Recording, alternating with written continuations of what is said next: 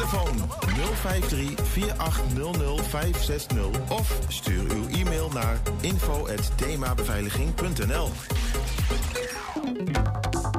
Iedereen verlangt naar een leven zonder coronaregels. Vaccineren is hierin de belangrijkste stap. En die stap komt steeds dichterbij. Elk vaccin dat straks is goedgekeurd, is op tienduizenden mensen getest. Zo weten we zeker dat het ons goed beschermt tegen het virus. En ook veilig is. Als we ons laten vaccineren, krijgen we stapje voor stapje meer vrijheid terug. Het is begrijpelijk als je vragen hebt. Antwoorden vind je op coronavaccinatie.nl. 120. Weet wat er speelt in Twente. Nu, het ANP-nieuws. Ik ben Cornelie Krietenmeijer. Goedemiddag. De coronacijfers zijn nu zo ver gedaald dat er minder bedden nodig zijn op de IC. Het kunnen er weer net zoveel zijn als voor corona, zegt het netwerk Acute Zorg. Er liggen nu 377 mensen met COVID op de intensive care, opnieuw minder dan gisteren. Ook het aantal nieuwe coronabesmettingen blijft dalen. De helft van alle Nederlanders boven de 18 die een coronaprik willen, hebben er minstens één gehad, zegt minister De Jonge. Hij heeft zelf net zijn eerste shot Pfizer gehad. Bijna 10 miljoen mensen in Nederland zijn nu ingeënt. Half juli iedereen, hoopt De Jonge. VVD-leider Mark Rutte ziet het helemaal niet zitten om met PvdA en GroenLinks in een kabinet te gaan. Volgens hem staan die partijen politiek te ver af van de VVD. Welke partijen dan wel samen kunnen regeren ligt ingewikkeld, zegt hij. Eerder zei CDA-leider Wopke Hoekstra ook al dat hij geen linkse coalitie wil. En Breda gaat de oude monumentale chassé-kazerne ombouwen tot een wooncomplex met op het middenplein een grote botanische kas. En daarin komen plantensoorten die normaal niet in ons land groeien. De kas is voor de bewoners meteen ook de tuin, maar ook anderen mogen er komen. Het weer geregeld zon en later vanmiddag in het zuiden en oosten regen- en onweersbuien. Het is 22 tot 27 graden. Morgen iets minder warm. Tot zover het ANP-nieuws. Waar kan ik een APK laten uitvoeren en meteen een onderhoudsbeurt van mijn auto laten doen? Ik ga altijd naar eh, de Gebroeders van der Mei uit Enschede. Vakmanschap, passie en echte service zijn kernwaarden van Gebroeders van der Mei. Of het nu gaat om eh, APK-keuringen, reparaties, bandenopslag, totaalonderhoud, deuken verwijderen of een nieuwe trekhaak, zij regelen het voor je. Gebroeders van der Mei vind je aan de Lonnekerbrugstraat 80 in Enschede. 120. Weet wat er speelt in Twente. Iedere dag praten we hierbij over alles wat er in Twente gebeurt. Via radio, tv en online. 120. Seksuele intimidatie wordt strafbaar in Enschede. Moet Hengelo volgen? We vroegen het daar op straat. Hendrik Jan Bukkers geeft morgen het eerste concert dat geen testevenement is in de Cactus in Hengelo. De Grolsvesten kleurt oranje voor de oefenwedstrijd van het Nederlands elftal tegen Georgië. En zijn de zorgen rondom de nieuwe dierenwet terecht? Het is vrijdag 4 juni en dit is 120 vandaag. Ja, we zeiden het al even. eh, Dat is ook wel bekend. Enschede gaat eh, een, eh, de seksuele intimidatie op straat strafbaar maken als het even kan. De algemene plaatselijke verordening aanpassen, wat juridische trucs uithalen. En dat besluit. dat zorgt ervoor dat straks als je bijvoorbeeld op straat bent en je naar iemand zegt. Eh, nou ja, iets zegt wat iemand niet, niet bevalt, bijvoorbeeld, of nasist of wat dan ook. eh, dat dat mogelijk strafbaar kan worden in Enschede. En met die wetenschap ging 120 de straat op in Hengelo en vroeg mensen naar hun mening. Moet Hengelo hier ook iets mee of is het meer een probleem van Enschede? Ja, als je het alleen in Enschede doet, heeft het geen zin. Dus ik denk wel dat het dan overal moet worden gedaan. Ik denk dat het overal moet gebeuren. Uh, ja, zeker. Want um, bij mij gebeurt het ook wel eens en dat is niet echt fijn. Nee, je voelt je niet veilig als dat gebeurt. Kan wel, maar heeft niet heel veel nut. Ik denk dat als je, dat als je het gaat verbieden, dat mensen het alsnog gaan doen. Nou ja, op zich, uh, van nafluiten hou ik ook niet. Dus, maar ja, of het echt strafbaar zou uh, moeten zijn, ja, misschien wel. Ja, ja, kan, ja. Jawel, kan wel. Want uh, ja, het is gewoon niet netjes, ja. Ik weet niet, ik heb daar niet echt een uh, mening over of zo. Maar... Ja, ik heb daar niet zoveel moeite mee. Dus uh, voor mij uh, ja, maakt het niet uit. Je doet er wat mee of je doet er niet wat mee. Maar op deze leeftijd, zoals die van mij nu... Ja, nou, ik denk van uh, als me nafluit, ja, zou ik wel trots op zijn. Heb jij al wel eens iemand nagefloten? Ja. Ja, gewoon als je dan met de vrienden bent, dan, dan loopt er een, eh, een leuk meisje langs. Nou, dan fluit je even na, gewoon voor de grap. Ah, dat doe je automatisch. Nee, ik heb nog nooit iemand nagefloten. Ja, vast wel eens, ja. Ja. En bent u zelf wel eens nagefloten? Eh, ja, dat wel, maar ik reageerde eigenlijk nooit op gewoon doorlopen. Dus ik heb er niet heel veel last van of zo. Ja, vroeger is dat wel eens gebeurd, ja. En dat, nou ja, van mij hoeft dat niet. Ik vind dat een beetje bouwvakkers eh, iets. Ik denk niet dat iedereen zich graag gaat houden, maar ik denk wel dat het minder wordt. Ja, ik denk wel dat mensen er meer op zouden letten, maar ik denk niet dat het helemaal weggaat. Nou, ik denk niet dat het zal werken, want ja, jongeren doen daar denk ik niet zo heel veel op uit. Nou, zou ik, niet, dat zou ik echt niet weten. Ik denk het niet. Ik denk dat ze het gewoon blijven doen. Ah, ik zou er misschien op letten. Maar het is niet dat ik denk van oké, eh, ik ga echt gewoon alleen maar daarop focussen van ik moet niet daarachteraan gaan met fluiten of zo. Nee, nee, dat denk ik niet echt. Want ja, het is toch gewoon, hoe dat, je doet het zelf en het is niet echt dat je denkt van dat mag niet. Ik, wat zou helpen, zou starten bij, eh, bij de jeugd. Je moet eigenlijk beginnen bij jongeren en die ja, opvoeden met bepaalde normen en waarden. Dat gaat helpen. Mensen die al zover zijn, krijg je niet meer terug. Zover dus de meningen van de mensen in Hengelo. Moet de stad daar ook seksuele intimidatie strafbaar gaan stellen? Dan, de Raad van Enschede bepaalde onlangs dat er een uh, onafhankelijk onderzoek moet komen naar hoe de gemeente opereert als het gaat om de uitvoering van uh, sociale wetten in de stad. Denk bijvoorbeeld aan de bijstand of de wet maatschappelijke ondersteuning, waar mensen thuiszorg, hulp krijgen, jeugdzorg, dat soort dingen. Um, er werd een externe onderzoekscommissie opgetuigd met de naam Menselijke Maat, die die inmiddels heeft gekregen. Drie leden telt die commissie. En de voorzitter van die commissie, Gijsbert Vonk, hebben we nu aan de telefoon. Meneer Vonk, goedemiddag.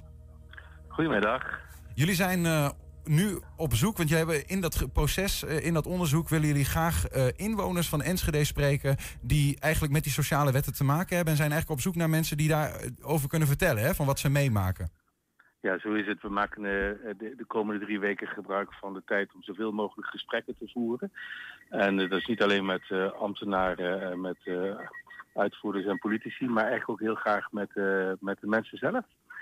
En uh, aanstaande maandag hebben we uh, een dag gereserveerd voor de mensen om uh, in te spreken. En dan zitten we op verschillende plekken in de stad om die gesprekken te houden. Nog even kort voor de mensen die dat gemist hebben. Wat is precies nou de insteek van jullie onderzoek? Oh, de insteek van het onderzoek is om te kijken hoe het is met de menselijke maatvoering in het sociaal domein, vooral in de bijstand en de, de, de WMO. Mm daar is veel uh, onrust over en, uh, en, boosheid hebben we geconstateerd al. En uh, we willen daar een volledig beeld bij krijgen en dan kijken hoe we met goede aanbevelingen kunnen komen. Ja. Bij wie hebben jullie dat geconstateerd dan? Want u zegt we hebben dat nu al geconstateerd dat er wat, wat boosheid leeft. Oh, bij de eerste gesprekken en de stukken die we zien. En met wie, met wie zijn die gesprekken gevoerd? Tot dusver hebben we gevoerd, gesprekken gevoerd met enkele ambtenaren, maar ook met belangenvertegenwoordigers van burgers. Dus uh, dat is Sociaal Hart Enschede, dat is uh, de Diaconie, Diagonaal Platform geweest. Mm -hmm. Maar ook met uh, ambtenaren ja. en met advocaten. Ja. En, en wat, want u noemt eigenlijk van, als het gaat om de, de menselijke maat in het sociaal domein. Wat, wat bedoelen we daar dan eigenlijk mee? Wat, wat, wat zeggen zij van nou ja, wat er gebeurt waar zij boos over zijn? Uh, heel kort, of je voldoende rekening houdt met de belangen van de mensen en de bijzondere situatie waar ze in zitten.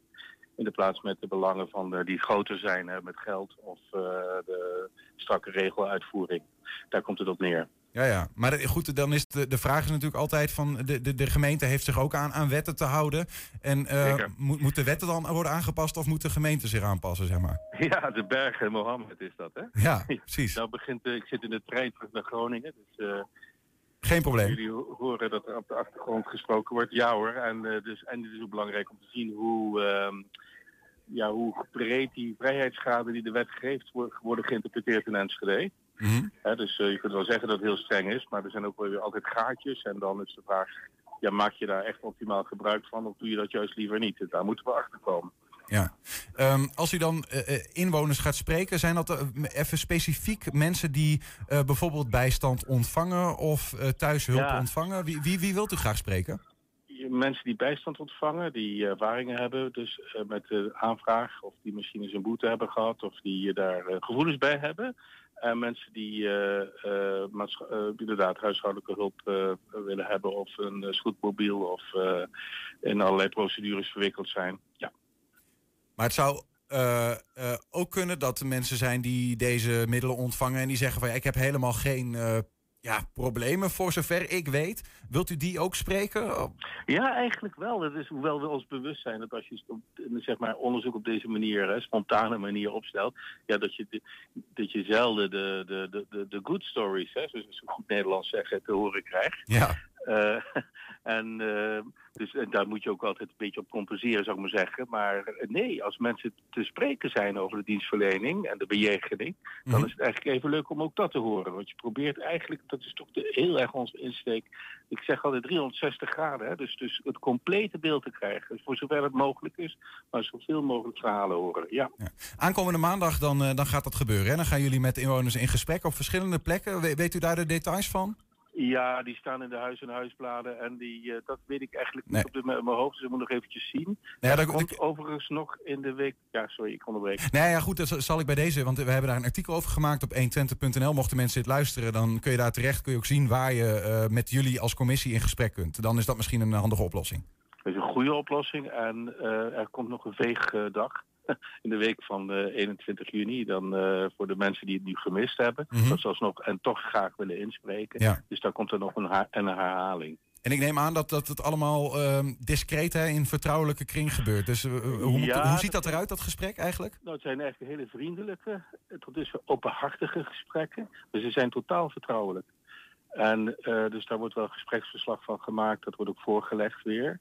En dat bewaren we dan netjes eh, op de Universiteit in Groningen. Want daaruit wordt het onderzoek gedaan.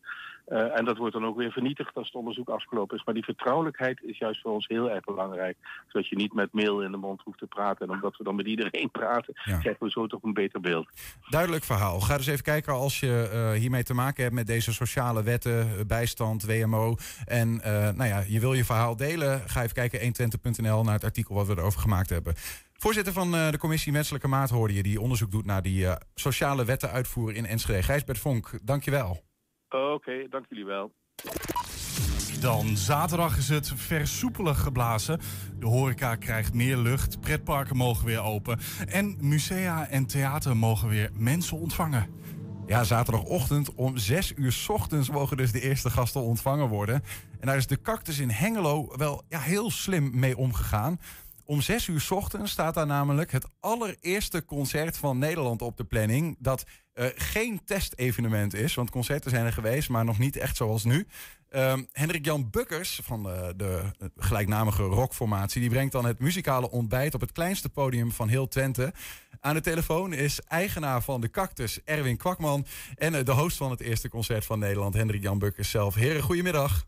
Ja, goedemiddag. Goedemiddag. Goedemiddag. Hey Erwin, hoe zit dat nou precies? Eh, Jullie mogen het eerste concert van Nederland, eh, waar anderen dat nog niet mogen? Nou ja, wij, wij zijn natuurlijk eh, al, al heel lang ingeschreven als theater en een cultuurpodium. En we, hebben ook, we staan ook ingeschreven bij de Kamer van Koophandel als, eh, als poppodium en eh, een cultureel centrum. En ja, dat, bij alles wat we afgelopen jaar gedaan hebben, we zijn ook gewoon echt niet, niet open geweest als, als, als horeca zijn. En alles wat we gedaan hebben is om de optredens heen. Dus in die zin zijn wij ook gewoon wel echt eh, 100% theater. eh. Ja, ja, dus omdat jullie een theater zijn officieel, eh, omdat jullie een theater zijn officieel, kun je dus morgenochtend als je de deuren opent gewoon je eerste, ehm, nou ja, voorstelling eh, ge- geven eigenlijk. Ja, ja.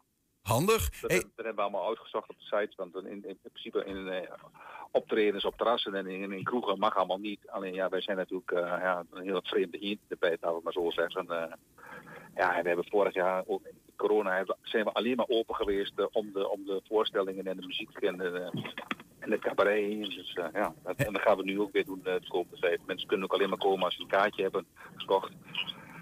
Hendrik Jan Bukkers, hoe is, hoe is jouw stem eigenlijk om zes uur 's ochtends? Prima, denk ik.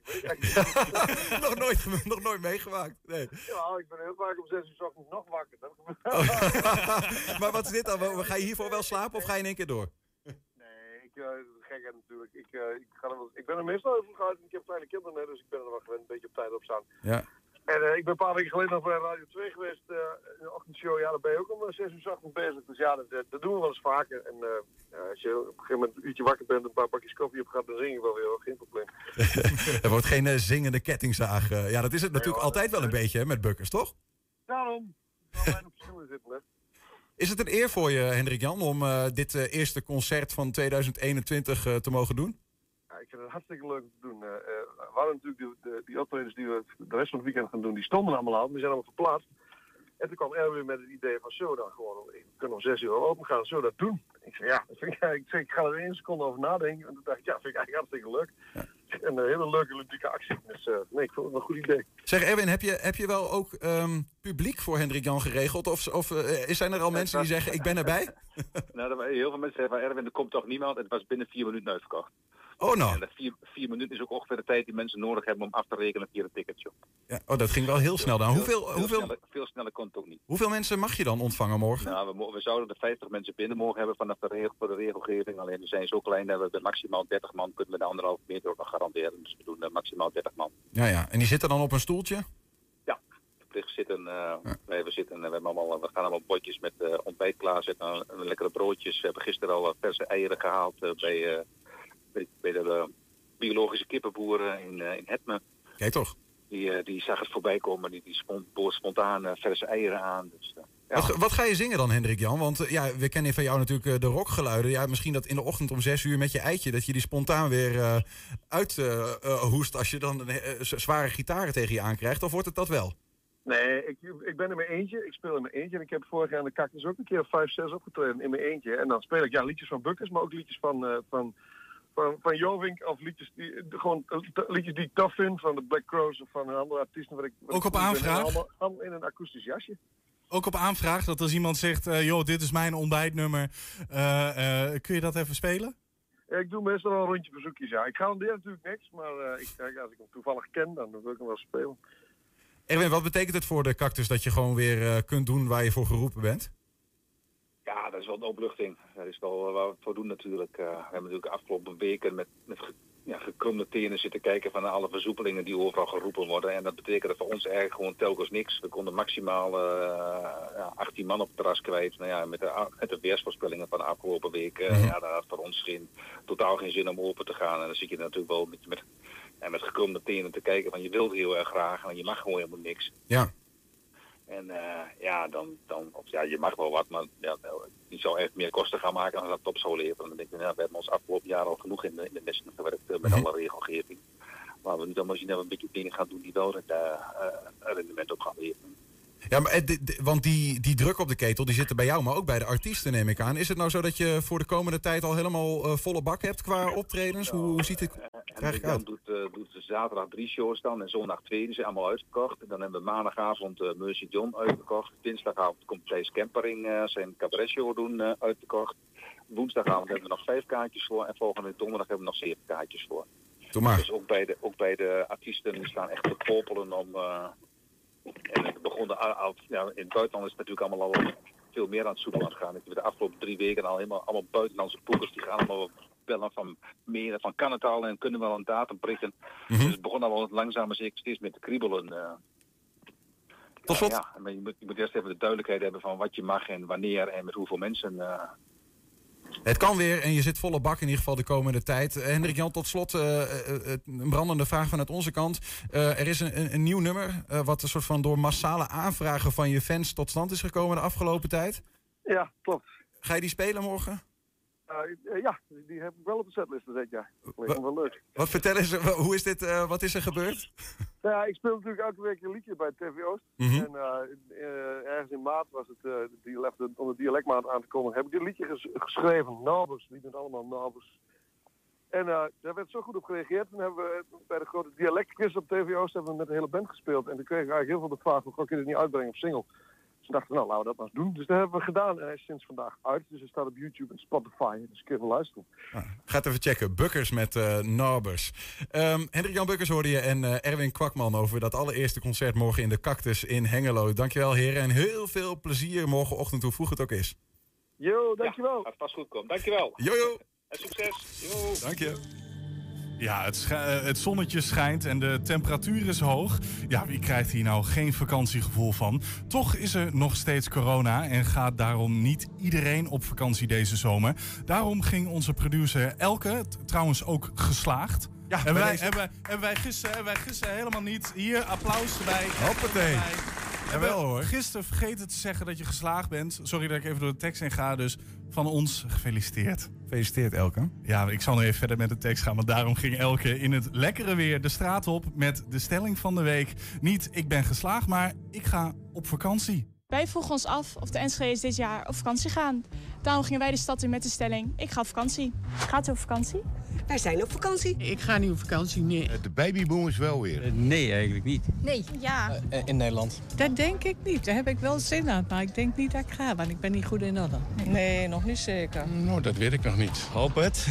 Ja, met de camper. nee, nee, dit jaar niet.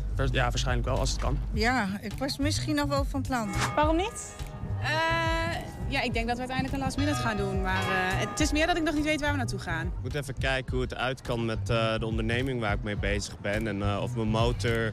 Ik moet mijn motor eventjes eh, goed controleren of, hij, eh, of ik er langdurig op kan rijden. Ja, geen tijd. Ik werk in de horeca en het is nou tijd om eh, hard te werken. En eh, ja, gewoon geen tijd voor eigenlijk. Nou, ik woon in een verzorgingshuis en, eh en mijn man is eh halfzijdig verlaamd. En eh, wij zijn nu wel allemaal gevaccineerd, dat dus wel. Nou ja, ik heb zoiets van, eh, je gaat het ook nog niet opzoeken. En als, dan blijf je toch eerder in, in het land zelf. Ga je dan naar Nederland of naar het buitenland, als het mag? Buitenland wou ik dan echt, Ja? eh, ja. Eh, ik denk, ik weet, we hebben nog niet echt gepland, maar ik denk Oostenrijk. En naar mijn familie in Spanje. Eh, ik denk dat het eerder het buitenland wordt, want dat is, eh, Nederland is volgens mij alles al volgeboekt. Nou, ik ga lekker in Nederland eh, zitten, want we hebben een prachtig land. En de wolven zijn ook weer terug. De wolven zijn terug en dat Ja. vindt u fascinerend. Ja, vind ik geweldig. Als ik op vakantie ga, dan wordt het een huisje op de Schelling of Drenthe of Limburg of zoiets. Blijft u dan in Nederland door Ja. de coronamaatregelen? Of? Ja, ja. Nee, dat komt omdat we een kleintje hebben van eh, bijna een jaar. Dat we het gewoon het makkelijkste vinden om dan lekker met de auto hier in Nederland te blijven. Nou, in verband met dat gedoe, hè, met de corona en alles, ja. Niels, eh, wat heb jij met wolven? wat Nou, vind- eh, prachtige beesten. Ja, want de wolven zijn terug. Ja, dat is, dat is, toch hartstikke mooi. Alleen eh, ik hoop ze niet eh, in het donker tegen tegen te komen met z'n Ik ook allen. niet. Nee, nee. Dan naast Saxion Hogeschool in Enschede staat sinds kort een klein gebouwtje. Een soort vierkante doos waar je zo overheen zou kijken als je er langskomt. Terwijl het object uniek is in zijn soort. Het is namelijk een soort mini-huis dat kan draaien. Dus een huis dat kan draaien. Zo. Ja, en waarvan zowel de binnen- als de buitenkant gemakkelijk aangepast kan worden. Waarom is dat nou? Het is stiekem een laboratorium. Waarmee onderzoek wordt gedaan naar eh, duurzame oplossingen in de bouw. Bij ons is bedenker van dat eh, Smart Tiny Lab, Christian Stuk. Christian, goedemiddag. Goedemiddag, Niert. We gaan zo even naar een video kijken. En dan zien we het, eh, het huisje ook even waarin jij jezelf een rondleiding geeft. In en om het gebouwtje. En voordat we dat gaan doen, ehm, waarom is dat Smart Tiny Lab daar gekomen? Nou, wij zitten met heel grote uitdagingen. Nederland heeft de ambitie tot 2050 CO2-neutraal en circulair te zijn. En eh, dit vraagt behoorlijk wat veranderingen in de, in de bouw, in de bouweconomie, maar ook in de eh, bouwproductie. En heel veel bedrijven zijn bezig met nieuwe, leuke, innovatieve producten. En die op zichzelf presteren wel, maar wij weten eigenlijk niet wat ze doen als ze geïntegreerd worden in het systeemgebouw. Als ze geïntegreerd worden in het systeemgebouw, wat bedoel je daarmee? Ja, het systeem of gebouwen zijn eigenlijk meestal opgebouwd vanuit de, eh, het gebouwschil, de, de gevel, Mhm. de installatie die voor warme en kou zorgen Mhm. en eh, ventilatiesystemen in de nieuwe gebouwen. En dan hebben we niet te vergeten ook de verbruikers. Ja. De, de bewoners bijvoorbeeld, maar ook de technische installaties die wij nodig hebben voor ons plezier. Dus je zegt, als ik jou goed begrijp, je hebt in een huis bijvoorbeeld een cv-ketel, die zorgt voor de verwarming. Of eh, binnenkort misschien wel een warmtepomp of whatever. Ehm, eh, en je hebt ook eh, de, de, de muren van een gebouw, je hebt de buitenkant van een gebouw. En allerlei andere objecten die zorgen voor het energieverbruik. Precies. En, en in dit gebouwtje kan dan meten hoeveel er verbruikt wordt ten opzichte van hoeveel er binnenkomt en dat soort dingen? Nou, wij kunnen over het gebouw de hele energie- energiebalans trekken. Zo, wij kunnen echt bepalen of we kunnen meten hoeveel energie wordt opgewekt en hoeveel energie wordt verbruikt. En afhankelijk van hoeveel je opwekt, wil je eigenlijk ook je verbruik sturen. En dit betekent een heel slimme interactie tussen de installaties en de gebruiker. En dit is dit grote vraagstuk momenteel. Omdat wij uh, eigenlijk het energienet buiten de gebouwen, buiten, de gebouwen heen Ja. uh, zo slim als mogelijk en zo slim als, ja, zo slim als mogelijk willen gebruiken en ook niet willen overbelasten. Ja, ja. Zoals iedereen nu PV-panelen laat plaatsen, betekent dit dat heel veel energie geproduceerd wordt op hetzelfde tijdstip, waardoor de middelspanningsapparaten eigenlijk overbelast raken. Zo idealiter, wat we gebruiken, moeten we eigenlijk lokaal weer verbruiken. Dus je wil een ultiem samenspel tussen hoeveel energie er binnenkomt, en dat is het liefst zo, zo min mogelijk, en hoeveel er weer uitgaat. Precies. Ja. precies. Ehm, voordat we gaan kijken, e- even, want we zien zo meteen een gebouw waarin twee eh, kamers zijn. En dat zijn twee exact dezelfde kamers, toch? Dit zijn twee gespiegelde, exact dezelfde kamers. Waarom is dat? Eh, omdat wij één kamer als referentiekamer willen gebruiken, in de andere kamer een interventie uitvoeren en vanuit de relatieve verschillen in de prestatie van de twee kamers iets kunnen afleiden over de invloeden van de interventie. Ja, En ja. de interventie zou kunnen zijn een nieuw gevelelement, eh, een ander eh, verwarmingssysteem, bijvoorbeeld verwarmd glas van Pilkington, of andere sensor, sensor, sensorik, waarmee wij ook het binnenklimaat kunnen monitoren, bijvoorbeeld van BR-controls. Maar denk ook aan nieuwe slimme diensten die de gebruiker erover informeren in welke toestand dit systeemgebouw eigenlijk verkeert. Alleen als wij weten hoe het met de energieopwekking en het verbruik ervoor staat, Ja. kunnen wij ons als gebruiker eigenlijk pas doelgerecht gedragen. Dus we hebben twee kamers. Eentje eh, blijft hetzelfde. De andere wordt één ding in aangepast. En dan kun je zien wat voor een effect heeft En dat. dan kunnen we zien wat het effect Laten we even gaan kijken. Dit Smart Tiny Lab, wat naast het uh, Saxion-gebouw staat. Je geeft zelf een rondleiding. Wij staan hier voor het Smart Tiny Lab. Ehm, het Smart Tiny Lab wordt gereed gemaakt momenteel voor gebruik tussen onderzoek, onderwijs en het bedrijfsleven. Zo, hier komen studenten aan te werken, onderzoekers vanuit de lectoraten, zowel als vertegenwoordiger vanuit het bedrijfsleven. En het spannende aan dit lab is dat wij hier een lab ter beschikking hebben voor eh, kwantitatief onderzoek in de gebouwde omgeving, waar wij zowel eh, de gevel, de installaties en het gebouwgebruik met elkaar kunnen integreren. Eh, we hebben de linker proefkamer en vanuit hieruit kijkend de rechter proefkamer. Even niet vergeten, het hele labgebouw is te roteren. Wij kunnen met de zon mee of tegen de zon indraaien. En de proefkamers die geven ons de mogelijkheid om kwalitatief onderzoek te doen met betrekking tot eh, ja, interventies die wij plegen, zowel in de installaties en de gevelsystemen of in het gebruik. Wat u hier ziet is eh, de, de, de kopse gevel van het lab. Eh, u ziet misschien de drie verschillende, verschillende gekleurde vlakken. Boven zwart, wit en weer zwart. De witte eh, gevelelementen zijn demontabel. Eh, we kunnen hier in plaats van de gevelelementen die momenteel geïnstalleerd staan... ook alternatieve gevelelementen plaatsen van, van verschillende leveranciers om ook vergelijksmetingen uh, uit te voeren. Wij staan hier in de techniekruimte. Achter mij ziet u de luchtbehandelingskast, de warmtepomp en de naverwarmunits voor de twee proefkamers. Als we even naar boven kijken, zien we het ingewikkelde leiding- en bouwsennetwerk dat wij nodig hebben voor het klimatiseren van de twee proefkamers. Wij zien hier de, de linker proefkamer. Uh, hier even nog een keertje van binnenin. Uh, het is eigenlijk niet te zien. Uh, de linker gevel en de kopse gevels die zijn geïsoleerd met cellulosevlokken. verder zijn die proefkamers identiek uitgevoerd. Wij hebben hier in de hoeken hebben wij elektra-aansluitingen, USB-kabels, aansluitingen en misschien te zien de twee doppen voor mogelijke, mogelijke uitbreiding van het verwarmingssysteem. Hier onder de vloer hebben wij een vloerverwarmingssysteem. En wij zien hierboven de roosters voor het ventilatiesysteem. Wij staan hier in de rechter proefkamer als je het lab naar binnen treedt. En wat hier wel of niet te zien is, is het feit dat in de rechter proefgevel al 50 sensoren geïnstalleerd zijn om houtvochtpercentage, temperatuur en uh, heatflux te kunnen monitoren. Het enige waaraan dit te herkennen is, is de kabels die uit de muur naar, het verlaagd plafond vertrekken. Om dan inderdaad eh, in de techniekruimte uitgelezen te worden.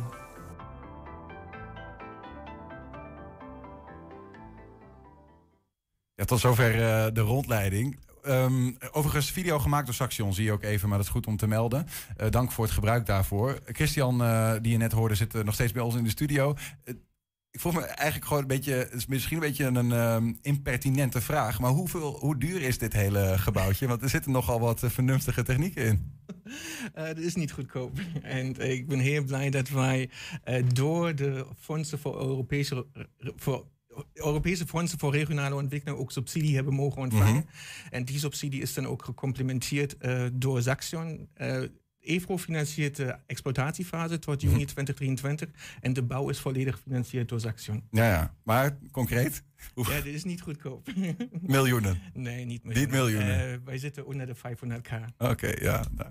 Ehm, voor de volledigheid. Eh, waarom kan het gebouw eigenlijk draaien? Want je noemde dat nog eens en dat is natuurlijk wel bijzonder. Een normaal huis kan niet draaien, dit gebouw wel. Waarom heb je dat gedaan? Nee, nee, je hebt het ingangs benoemd. Wij willen gecontroleerde experimenten uitvoeren in het lab. En eh, in traditionele positioneerde gebouwen heb je die kans niet om de stand van de zon te kunnen controleren. En wij dachten, oké, we hebben geen invloed op de, stand van de zon. Dat betekent, wij moeten de stand van het gebouw eigenlijk kunnen controleren. En zodanig zijn we terechtgekomen bij een draaimechanisme. En ik ben reuze blij dat wij die ook eh, door de aannemer, Dura Vermeer, in samenwerking met Bouting Stahlbau in Almelo hebben kunnen realiseren. En is het eigenlijk wat, volgens jullie het eerste gebouw in Nederland waar dat zo kan, hè? Ehm, ik durf te stellen dat, eh, dat er geen tweede gebouw is van, van, van, van, van, van, dit, eh, van deze afmetingen. Eh, er zijn andere draaibare mm, eh, mechanismes, dra- andere draaibare proefkamers ooit geweest in ieder geval. Eh, momenteel weet ik niet dat er een ander draaibaar gebouw in werking is. En zeker niet op deze schaal, eh, waar wij zowel de techniek als ook die twee proefkamers meedraaien. Nou kan ik me voorstellen dat je in een gebouw van alles eh, wat, wat makkelijker kunt verwisselen. Vooral als het losse objecten zijn. Maar hier kun je ook de gevels, is de buitenkant van het gebouwtje verwisselen. Hoe snel gaat dat? Nou, voor de beeldvorming, als je het lab volledig ontmantelt, het enige wat, wat blijft staan zijn de stalen kolommen en de, de container die de techniekruimte, die techniek beïnhoudt. Eh, hoe snel het gaat, ik zou zeggen, het ver- verwijderen van een gevelelementen zijn we zeker anderhalf dagen zoet.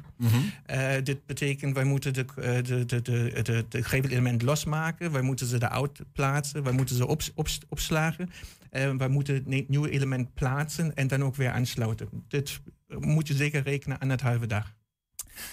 Die cellulosewand overigens, daar ben ik nog benieuwd naar. Nu, dat is nu het verschil, hè, wat je niet liet zien in die twee kamers. Ze zijn identiek, maar in de ene zit een cellulose vlokken in de wand. Precies. Wat, wat, wat doen die eigenlijk? Is papier is, is gewoon eigenlijk afval, is eh, papieren restafval. En eh, de Groot Hoop, eh, de leverancier van de houtskeletbouwelementen die wij hier hebben verbouwd, eh, is zoekende hoe kunnen wij eigenlijk rekening houden met, eh, of beter rekening houden met het buitenklimaat en de menselijke fysiologie hierin meenemen, ook binnen het pand. Dat betekent als wij eh, teruggaan naar damp openbouwen, moeten we wel ervoor zorgen dat de wandconstructies droog blijven en wij geen condens krijgen binnen de wanden.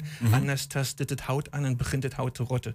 Eh, dit willen we voorkomen en daarom hebben wij zo uitgebreid sensorik geplaatst om de vocht of Ja. de diffusietransport of de damptransport door de wanden te kunnen monitoren. En die cellulose vlokken in die linkerkamer, dat is eigenlijk de eerste interventie. Dus je bent eigenlijk is al in werking. Het lab is in werking. Ja. Eh, sinds twee weken geleden, eh, sindsdien de eerste sensoren draaien, is het lab eigenlijk in werking gesteld. Om dus te testen wat die doen ten opzichte van de kamer waar geen cellulose vlokken in de wand zitten. Ehm, eh, studenten, onderzoekers en bedrijven gaan er, gaan er gebruik van maken, zei je. Het is de enige in zijn soort in Nederland. Dan kan ik me voorstellen dat ze in de rij staan voor dit. eh, En wij object. hebben inderdaad, een, wij ontvangen behoorlijk wat animo. eh, vooral in de, eh, in, in de MKB-sector die zelf niet over proefkamers beschikken. Daarvoor hebben we het ook geplaatst. Eh, denk bijvoorbeeld aan bedrijven zoals Binks die daarmee bezig zijn om nieuwe diensten voor bewoners en gebruikers te ontwikkelen op basis van gemonitorde data in de gebouwde omgeving. En eh, er zijn veel, veel meer, veel andere vraagstukken die, die, die naar voren komen. Bijvoorbeeld, hoe ga je met eh, infraroodpanelen in de gebouwde omgeving om? Werken ze inderdaad zo goed als gesteld wordt?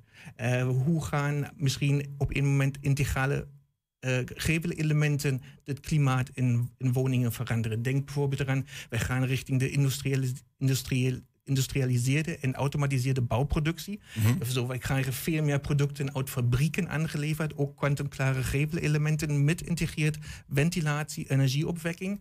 En de vraag is dan, hoe goed presteren die en hoe krijgen we ze aangesloten in een bestaande uh, uh, energieinfrastructuur? Ja. En dit, is, dit zijn die vraagstukken waarmee wij ons met bezig willen houden. En dat alles kan in dit uh, nieuwe Smart Tiny Lab wat daar uh, naast het Saxion staat. Precies, ja, ik ben reuze trots. Ja, dat geloof ik wel. Ja. We, we, kijken nooit meer met een ander gezicht. Wanneer kwam voor het eerst voor jou het, het idee voor dit uh, laboratorium? Nou, we zijn in 2017 hebben we het idee voor het eerst geformuleerd. En bij, de, bij de Saxion Academie Business Building and Technology werken wij met bouwpartners, met grote aannemende bedrijven. Mm -hmm. En daar hebben we een brainstorm sessie gehouden waar die idee dan voor het eerst ook vorm heeft gekregen. We zijn uh, vier jaar verder ongeveer. En hij staat er. Het staat er. En hij is in werking. Christian Struk, dankjewel voor je komst en voor de uitleg. Soms wat ingewikkeld onderwerp, maar toch uh, goed uitgelegd. Dankjewel. Dank jullie wel. Ja, in de Grolsvesten heeft het uh, Twente Rood de afgelopen dagen plaatsgemaakt voor de kleur oranje. Zondag is het stadion van FC Twente namelijk het strijdtoneel voor een oefenwedstrijd van het Nederlands elftal. De mannen van bondscoach Frank de Boer oefenen dan een week voor hun eerste EK-wedstrijd tegen Georgië. Collega Nout Peper van RTV Oost nam vanmiddag een kijkje in de Grolsvesten om te zien hoe de voorbereidingen vorderen. Het stadion van Twente krijgt hoog bezoek. En dus moet alles er picobello uitzien. Het patroon wordt nu ingemaaid, wat dan ook uh, de voorschriften zijn. En uh, nou, het uh, belijnen. Het is nu echt meer het poetswerk zeg maar, om het veld zo goed mogelijk te hebben komende zondag. De gracht moet ik helemaal schoonmaken, zoals je ziet. Dus de gracht niet uh, schoon. Het moet allemaal wel netjes opgeruimd worden. Anders raak je alles kwijt, hè? Snap je? Ja. Dag dames. Nou, we komen uit Amsterdam, dus gisteren hebben we eerst uh, anderhalf uur moeten rijden. En dan zijn we ongeveer 8 uur, 9 uur op een dag in het stadion bezig. Maar het is best wel gedoe toch, of niet, om dit allemaal uh, voor Nederlands elftal uh, klaar te maken, of niet? Ik vind het superleuk werk om te doen. Ja? Ik heb altijd, uh, als het dan weer mooi schoon is en uh, picobello is, dan heb je ook eer van je werk, hè?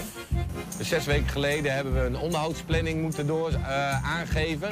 Dus oftewel, dat is gewoon een planning van zes weken voor één interland? Ja, ja klopt. Hoeveel stoeltjes moet je nog? Uh, in elk geval het vakje hiernaast nog. Er is denk ik ook maar één ring open, of niet? Zover ik het begrepen heb, gaan we bij alles open. Dus ook, ook de tweede ring? Ja, 7.500 gaan ze verspreiden. Wat houdt Twente als club nou eigenlijk over aan dit initiatief? Nou, niet, niet heel veel. Wat natuurlijk mooi is, is dat, uh, nou, dat wij hier in ieder geval het Nederlands elftal mogen ver, verwelkomen. Daar zijn we gewoon trots op. Ja, en daar gaat het feitelijk om. Je wil ook niet weten hoeveel kilometers ik loop op een dag hier. Als ik uh, om 7 uur begin hier, tot smiddags 3 uur, heb ik er 22 kilometer op zitten. En je wil ook niet weten uh, wat mensen naar me achterlaten hier. Van telefoons, huissleutels, autosleutels. Je kunt ze gek niet opnoemen. Wat denk je dan zondag? Gaat Nederlands elftal nog een beetje, een beetje een goede wedstrijd draaien? Ja, tuurlijk. We hebben toch alle vertrouwen erin. Ja? Tuurlijk. Nou, volgens mij hebben de meeste mensen er niet zoveel vertrouwen nou, in. ik wel. Ik ben nooit, uh, persoonlijk nooit goed in voorspellingen. Uh, maar laat ik het houden op, uh, op 2-1. 2-0. misschien 2-0. 3-0. Misschien 3-0. Ja, 3-0. 3-0 doen we, oké? Okay? 3-0. 3-0. Ik denk dat het 2-0 gaat worden. Voor Nederland natuurlijk. Ja, ja, ja, of course. Anders was het 0-2. 0-3. 0-3? Ja, voor Nederlands uh, 3-0. Oh, gelukkig. Ik schrok oh, al. ja, we speelden thuis, hè? Grapje. hey, dank u. Jo. We gaan het zien. Ja, door naar ons volgende item met uh, Daniel Jansen van het Wilming Theater en uh, Ellen Peters van uh, Concordia. Zijn jullie een beetje voetbalminded eigenlijk? Ja, ik vroeg het net toevallig. Ja. ja, ik wel, heel erg. Uitslag? Nederland-Georgië? Uh, nou, doen we Nederland winnen. We doen, zijn in een positieve vibe. 1-0. 1-0 Nederland? Ja. Daniel? Ik zou het echt niet weten. Nee, ik, maar ik als laat je me gewoon gewoon even... helemaal vooral. Nou, ik hoorde net uh, 3-0, dus dan uh, hou ik oh, me beter, daar maar aan vast. Ja. Maar. Ik ga met Daniel mee. 3-0 okay. Nederland, hupsakee. Gewoon uh, winnen dat EK. We gaan het heel erg anders over hebben. Want na lang wachten, vol ongeduld hè, en onbegrip... waarom de Primark en de Ikea wel en wij niet... Uh, mogen de musea, theaters en bioscopen vanaf uh, aankomende zaterdag ook weer open. Uh, ik geloof twee dagen geleden hadden we al Arnoud de Odding uh, in de studio... van het Rijksmuseum en de Museumfabriek. Uh, maar nu dus jullie uh, om samen met elkaar te vieren dat de theaters weer open mogen. Um, beginnen even bij Wilming Theater. Daniel, hoe Ja. blij zijn jullie met eh, deze... Ja, heel blij. Want we waren echt wel eh, heel erg verrast afgelopen zaterdag dat we te horen kregen van dat zalen met eh, meer dan duizend stoelen gelijk al 250 bezoekers mogen ontvangen. En nou ja, we hebben gelukkig in onze grote zaal van het, van het Wilmy Theater eh 1001 stoelen eh, en eh, het muziekcentrum eh, meer dan 1000. Dus eh, in beide zalen eh, kunnen we nu weer 250 bezoekers ontvangen. Was dat al zo dat er 1001 stond of hebben jullie er een aantal bij geplant? Nee hoor, vanaf het begin van de bouw zaten er al 1001 in. Ja, Dus onze ja, architect heeft het heel goed gedaan. Dat scheelt een moeilijk gesprek met de overheid. Ja, ja, ja. Eh, Ellen, jullie eh, theater Concordia is iets kleiner, hè? Ja, ja, we hebben nu kunnen er 45 in. Maar dat vind ik ook wel weer charme hebben van die kleine theaters. Want dan lijkt het gewoon eigenlijk nog wel vol. Mhm. Dus eh, ja, ik ben, eh, ik ben hartstikke blij dat we weer op kunnen. Hoe doe je dat eigenlijk? Ehm die ben een hele tijd dicht geweest. Ik geloof 10 van de 14 maanden eh, zijn de theaters dicht geweest. Ehm, heb je dan nu zomaar een blik met makers die, die je kunt programmeren? Nou, wat wij hebben gedaan, wij hebben, we zijn eigenlijk doorgegaan in de coronatijd. We hebben gestreamd. En eigenlijk alle voorstellingen zijn doorgegaan van alle makers die dat wilden. Mhm. Eh, en ons programma bleef dus daarom gewoon staan. Dus wij zijn gewoon lekker weer verder gegaan. We dachten eerst 9 juni gaan we, maar nu mochten we gelukkig 5 juni. En eh, nou ja, die makers opgebeld van we kunnen weer met mensen in de zaal. En Ja. die waren ook heel blij. Dus 5 juni mogen we nu, eh, nou ja, hebben we ze verrast van we mogen weer. Ja. Wat betekent het, Daniel, voor artiesten dat ze niet voor een livestream staan, maar gewoon voor Ja, heel, heel fijn, zeker. Want dat is toch waar wat die kracht die je vanuit de zaal krijgt, vanuit het publiek, die is gewoon heel erg nodig. Eh, we zijn ook heel blij dat bijvoorbeeld weer cabaretiers, eh, die, ja, die hebben dat echt nodig. Die kunnen het moeilijker doen voor een livestream, omdat ze ja, die interactie met de zaal graag willen. Eh, en dan is in een kleinere setting soms leuk, maar soms ook wel die volle zaal is dan wel fijn. Ehm, dus nou ja, we krijgen bijvoorbeeld Pieter Derks en eh Veldhuis en Kemper. Ja, die hebben er ongelooflijk veel zin in om eh, weer voor die zaal te gaan staan. Hoe doen jullie dat dan eigenlijk als je, als je duizend en één plekken hebt en je mag er 250 vullen? Mhm. Hoe zorg je dat het er dan. hoe ziet het er dan eigenlijk uit? Alleen de voorste rijen of zitten mensen helemaal verdeeld? Ja, we gaan wel echt verdeeld door de zaal zitten. Eh, dus eh, tussen iedereen zit gewoon anderhalve meter afstand. Eh, het zijn ongeplaceerde plekken die mensen boeken. Dus zodra ze binnenkomen, worden ze door een van onze medewerkers eh, krijgen ze een plek aangewezen in de zaal. Mhm. En de afgelopen tijd, want Ellen zei al bij Concordia hebben jullie eigenlijk gewoon eh, doorgewerkt, maar dan Ja. via een livestream. Ik kan me ook voorstellen dat je ja, toch wat eh, ruimte over hebt om misschien nog wat dingen te verbeteren in je zaal of wat dan ook. Is dat gebeurd bijvoorbeeld bij eh, het Wilming? Nou ja, wij zijn ook heel erg op online doorgegaan. Dus eh, eigenlijk de verbetering zit er daarin van eh, om te kijken van eh, hoe kun je met camera's en hoe kunnen we eh, met personeel eigenlijk omscholen naar eh, nog die verbetering en verruiming op online gebied. Mhm. Inderdaad, voorstellingen livestreamen. ehm, Blijft dat dan nu ook maken. gewoon gaande bij jullie? Zeg maar wat jullie hebben gedaan de afgelopen tijd? Nou ja, we hebben, gaan nu kijken van inderdaad waar we hebben in geïnvesteerd hebben, hoe kunnen we dat op de lange termijn aanhouden. Dus we zijn begonnen met WMTV, waar mensen altijd een beetje een preview krijgen van verschillende voorstellingen. Ja, dat zijn wel middelen die eh, blijven. Ook op het moment als de zalen gewoon weer vol zijn. Toch nog wat opgeleverd. Hoe zit dat bij jullie, eh, Ellen, in Concordia? Ja, wij zijn echt heel enthousiast en ook wel een beetje voorloper daarin. We willen experimenteren met, eh, met hybride theater. En bij ons is absoluut een Hybride theater. Ja, ja, dus in de zaal zitten, mensen eh, ervaren, acteurs ervaren, maar ook vanuit huis kijken. Want je bereikt een hele nieuwe doelgroep. Ehm, mensen die normaal niet naar theater kunnen, eh, mensen in de gevangenis, mensen eh, in een verzorgingstehuis. Eh, je, wordt, je wordt eigenlijk veel inclusiever. Dus wij hebben eigenlijk gezegd vanaf volgend seizoen, behalve de cabaretiers, dat is lastig, maar we doen alles met livestream erbij. Je zegt een nieuwe doelgroep. Is dat zeg maar het gevoel dat jullie hebben? Of weet je dat ook echt zeker? Dat jullie in ja, gewoon andere bronnen aanboren? Ja, je, vanwege de AVG kan je niet alles weten natuurlijk. Maar van mensen van horen zeggen weet je wel dat er een andere doelgroep kijkt. Ja, Ja. Wat, zeggen, wat zeggen ze dan bijvoorbeeld? Wat zijn de reacties? Nou, wat ik heel mooi vond, dat hoorde ik ook eh, gisteren van het Night Hotel in, in Groningen van Club Guy en Roni. Die hebben dat ook gedaan. Dat een nagesprek voeren met iemand via een camera is eigenlijk veel eh, minder eng. Sommige mensen vinden het heel eng om op een acteur af te stappen na die tijd, die dan even in de zaal komt. Mhm. En via eh, nou ja, als je of in de chat een vraag mag stellen, of je mag eh, eh, via FaceTime of, of zoiets Ja. een vraag stellen, dan is dat veel toegankelijker. Dat ga je ook doen, een soort van green room achteraf Ja, om eigenlijk aan na je, te praten. Ja, wat je, onze directeur Willem Jaap noemt het altijd nieuwe wijn in nieuwe zakken. Dus niet oude wijn in nieuwe zakken. Niet Ja. gewoon een camera erop zetten en filmen. Maar laat bijvoorbeeld ook de kleedkamers zien. Laat, doe eens een meet and greet met, met een artiest. Ehm, we hebben nu 5 juni Club Klassiek. Klassieke muzici die eh, schilderijen tot leven brengen. Echt op het podium. Ehm, zij zijn al een club die klassieke muziek op een hele mooie manier brengt. Mhm. Maar je hebt soms ook hele statische klassieke muzici. Nou, laat hen even wat vertellen over het stuk, bijvoorbeeld. Mooie innovaties eh, op dat gebied. Ehm, gelukkig ook nog uitvoerbaar. Want er is misschien wel twijfel geweest de afgelopen nou ja, maanden over hoe gaan we hier eigenlijk uitkomen. Hoe zit het eigenlijk bij jullie? Wat voor een schade heeft Wilming Theater geleden onder die hele lockdown? Nou, ik denk de, de grootste schade is, ligt bij de artiest. Want die heeft niet kunnen optreden. Eh, eh, wij worden natuurlijk gewoon eh, gesubsidieerd en hebben allerlei mooie regelingen gekregen. Waardoor wij als culturele instelling Ja. ja. gewoon door konden gaan. Geen personeelsleden hoeven ontslaan of externe licht, lichttechnici, geluidstechnici? Nee, gelukkig niet.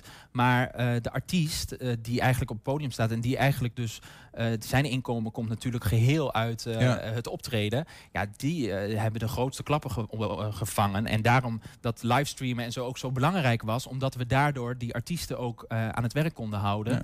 En eh, dat zij bezig konden blijven. Maar hoe zit het, we- weet je dat? Hoe zit dat dan met de maakindustrie? Bijvoorbeeld in Twente. Hebben we nog hebben we Twentse makers die hebben gezegd de afgelopen tijd... ja, sorry, maar ik ga toch die vrachtwagen besturen of wat dan ook. Want ik, ik kan, dit, kan ik niet, eh, dit trek ik niet. Nou, gelukkig hebben wij onze huisartiesten waar wij veel mee samengewerkt hebben. Eh, bijvoorbeeld onze Twentse cabaretiers hebben we nog heel veel kunnen doen de afgelopen periode. En werken we ook weer in het forum. Eh, met sommige artiesten weten we al dat we in de zomer weer dingen gaan doen. En in het najaar. Eh, daardoor kunnen we ze bezighouden. Dus ja, ik heb het gelukkig nog niet zelf meegemaakt. Maar we gaan het zeker waarschijnlijk merken zodra de deuren open gaan. Kijken wie er eh, gelukkig allemaal nog hopelijk op het podium komen te staan. Ja, ja. Eh, Ellen, is het ook zo dat je dan als, als, als theater, als Concordia, ehm, expositieruimte, dat je een bepaalde verplichting voelt naar die makers om ook hen te steunen? Want het is natuurlijk al vaker gehoord, hè? die overheidssteun eh, te veel naar de faciliteerder ging, zeg Maar, en te weinig naar de maker zelf. Hoe, hebben jullie daar, hoe zijn jullie daarmee omgegaan? Nou ja, daar zijn wij heel eh, strikt. Daar hebben wij heel goed een lijn ingetrokken. Want wij eh, hebben inderdaad helemaal ingezet op de makers. De makers die mogen gewoon op het podium staan. Die mogen gewoon spelen. Nou ja, gewoon zonder mensen in de zaal. Mhm.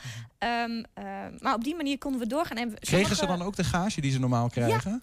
Want bij alle, bijna, bijna alle theaters die hebben gezegd... nou, we werken volgens commissie zoveel, commissie zoveel... en we passen eh, de partage en eh, nou ja, we passen het geld dat je krijgt aan. Mhm. Maar wij hebben gezegd, we houden het hetzelfde. Want jullie treden gewoon bij ons op. Dus in, in die zin is er eh, niks veranderd. Wauw. Ja.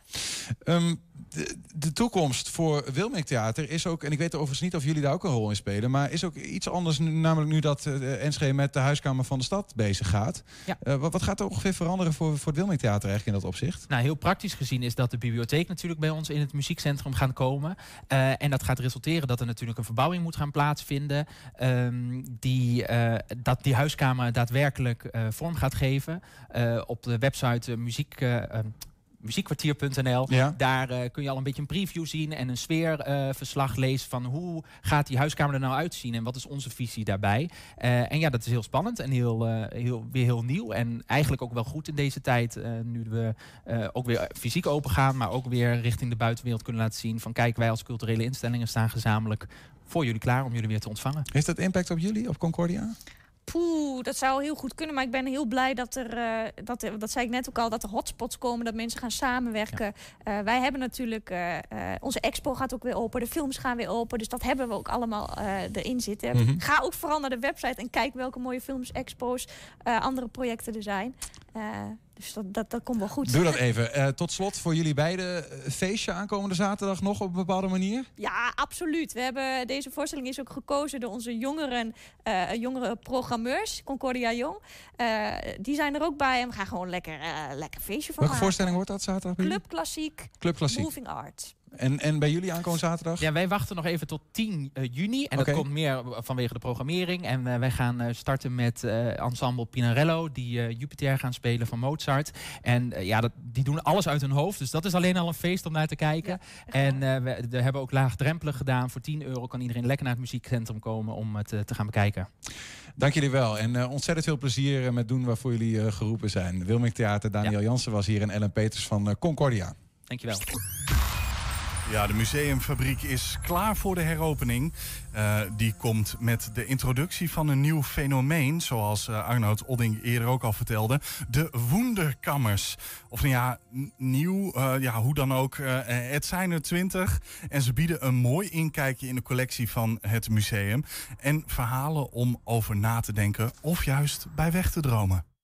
Op naar de wonderkamers. Ja, Ik zie ook al staan overal voor mensen die zich verwonderen. Wonderkammer, dat gaat over verwonderen.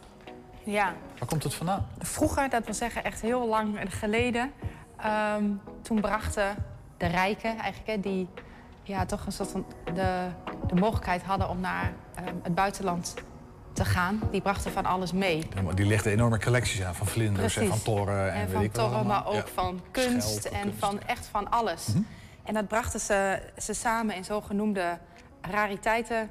Kabinetten, ja. wat met dus een Duits woord wonderkammers heet. Welke ik het meest bijzonder vind is de allernieuwste. En dat is een wonderkammer over rampen.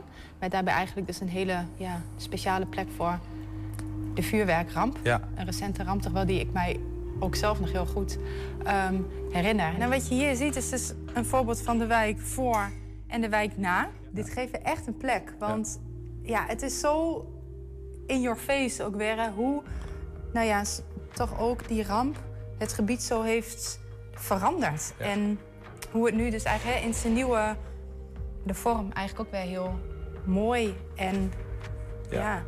goed is, is, is geworden. Het is natuurlijk nog best wel vers voor Mhm. heel veel mensen. Ja. En het is hier toch op een vrij confronterende manier tentoongesteld. Hè, De wijk voor de ramp en na de Ja. ramp.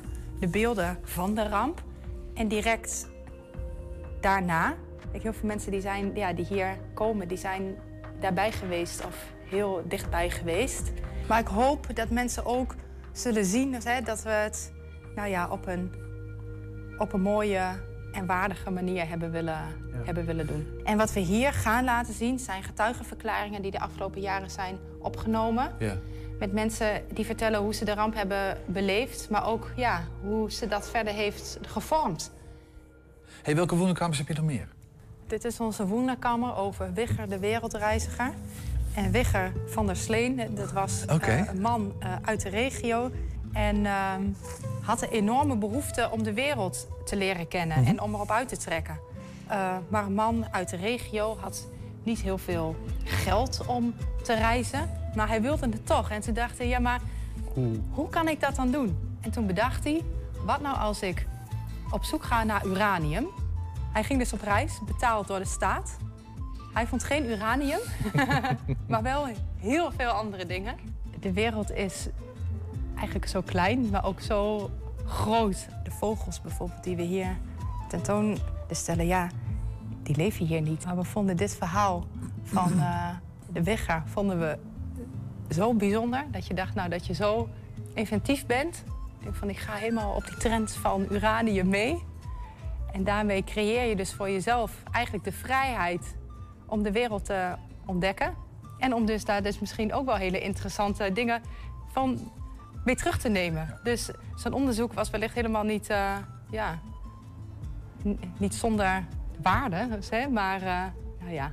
Dit zijn allemaal buisjes met grondmonsters, dingen die hij gevonden heeft. Nou ja. Ja. Maar je vertelt hier het verhaal van iemand die een droom had.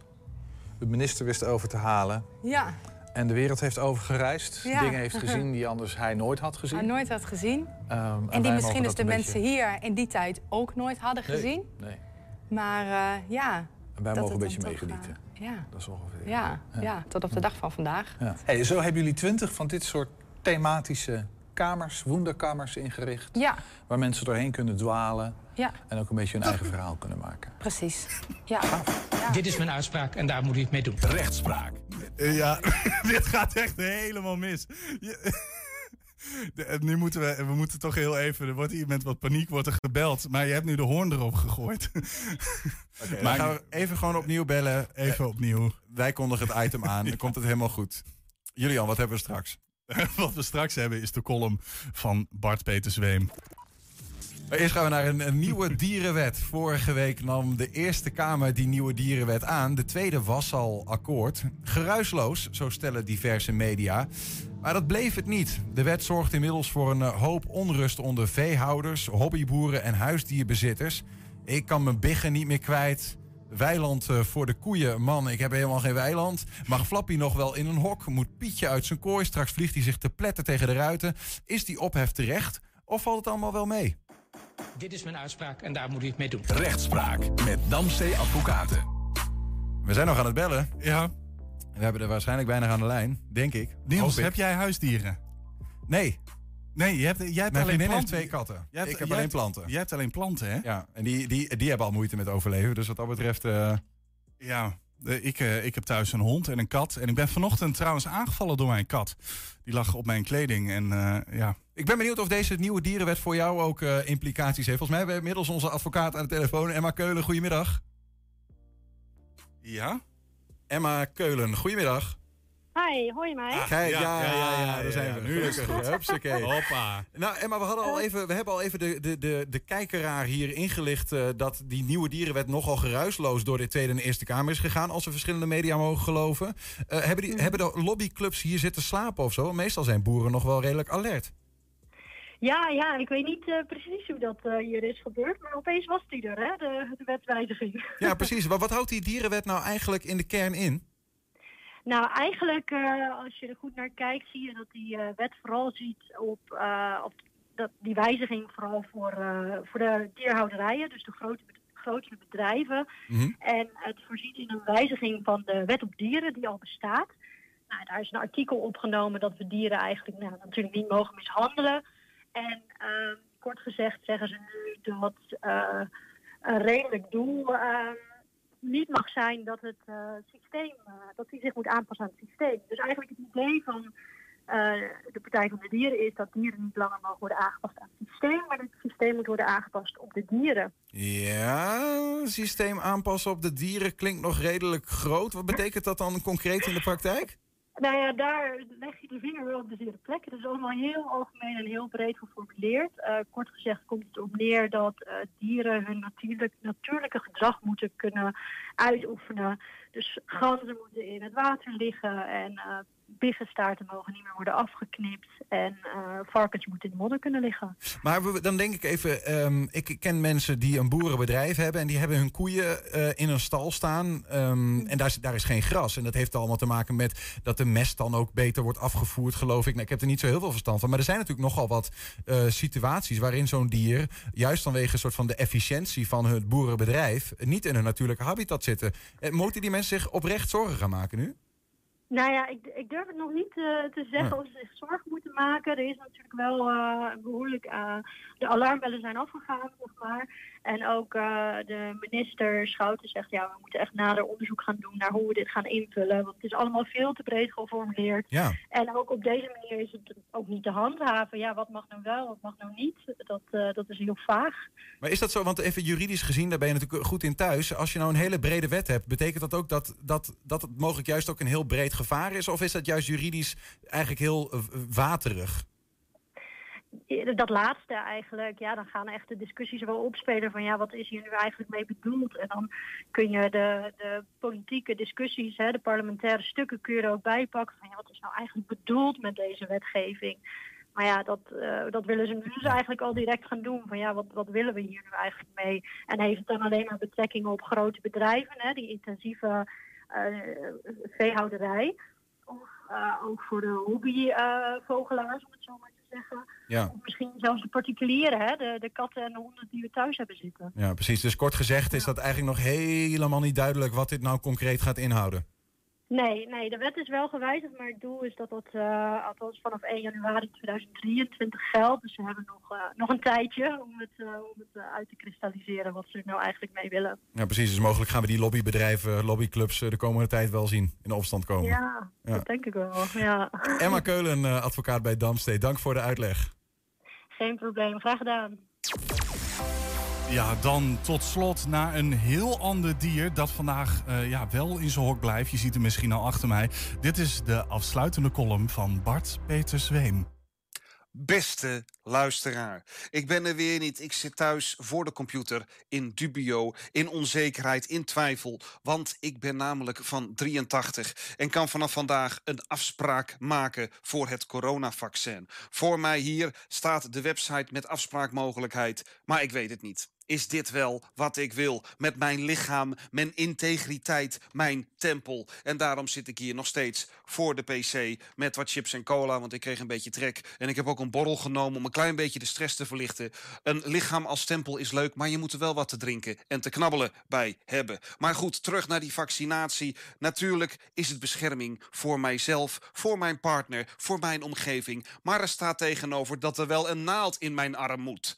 En tuurlijk heb ik al meerdere vaccinaties gehad en ben ik daarmee gelukkig beschermd tegen allemaal nare ziektes die niemand gelukkig eigenlijk meer heeft dankzij vaccinaties. Maar dan nog moet er wel een naald in mijn arm. De vorige keren ben ik gelukkig al vergeten. Die heb ik verdrongen. Die zijn door mijn moeder weggekocht met speelgoed na afloop. Maar nu is er niemand om speelgoed voor me te kopen. En ik hoor u zeggen: ja, Bart, je kunt toch wat voor jezelf kopen na afloop? Ja, natuurlijk, maar dat kan ik nu ook al. En daarvoor hoef ik niet een naald in mijn arm te hebben. En ja, eigenlijk doe ik het ook niet echt voor mezelf. En natuurlijk, zo'n vaccinatie, dat doe ik voor anderen. Zo zijn er mensen die om medische redenen echt niet gevaccineerd kunnen of mogen worden. En ik kan dat als gezonde jongen wel, maar dan moet er dus wel een naald in mijn arm.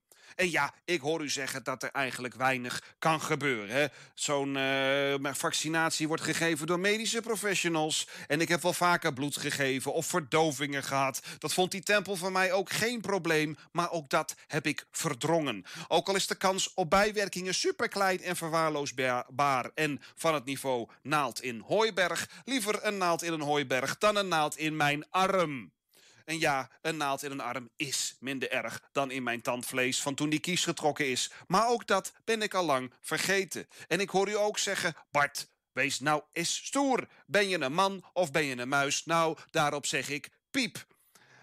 Waar blijft het prikken zonder naald? He, met lasers of gewoon een pil of whatever. Kan dat niet even op de valreep worden ontwikkeld? Dan kruip ik mooi door het oog van de naald. Geef mij een naaldloze prik of pil. En doe daar voor mijn part dan ook die microchip van Bill Gates in. Ik vind het prima. Met een Bill Gates chip hoef ik misschien niet de hele tijd mijn mobiel mee te sjouwen. Waarom moet Gates het eigenlijk zo nodig via een spuit in mijn arm doen? Daar kan hij toch wel wat beters voor betalen. Ik ben bang dat die Gates er misschien wel helemaal niet bij betrokken is.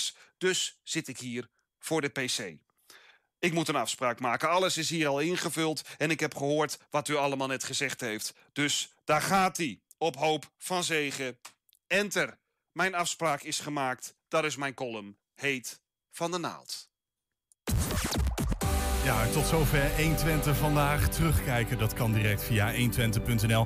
Vanavond om 8 en 10 uur ook op televisie te zien. Voor, voor nu zeggen wij in ieder geval een fijn weekend. En uh, Niels, ik zie jou maandag weer. Tot maandag, goed weekend. Tot, tot maandag. 120. Weet wat er speelt in Twente. Nu, het ANP-nieuws. Ik ben Cornelie Krietenmeijer. Goedemiddag. De coronacijfers zijn nu zo ver gedaald dat er minder bedden nodig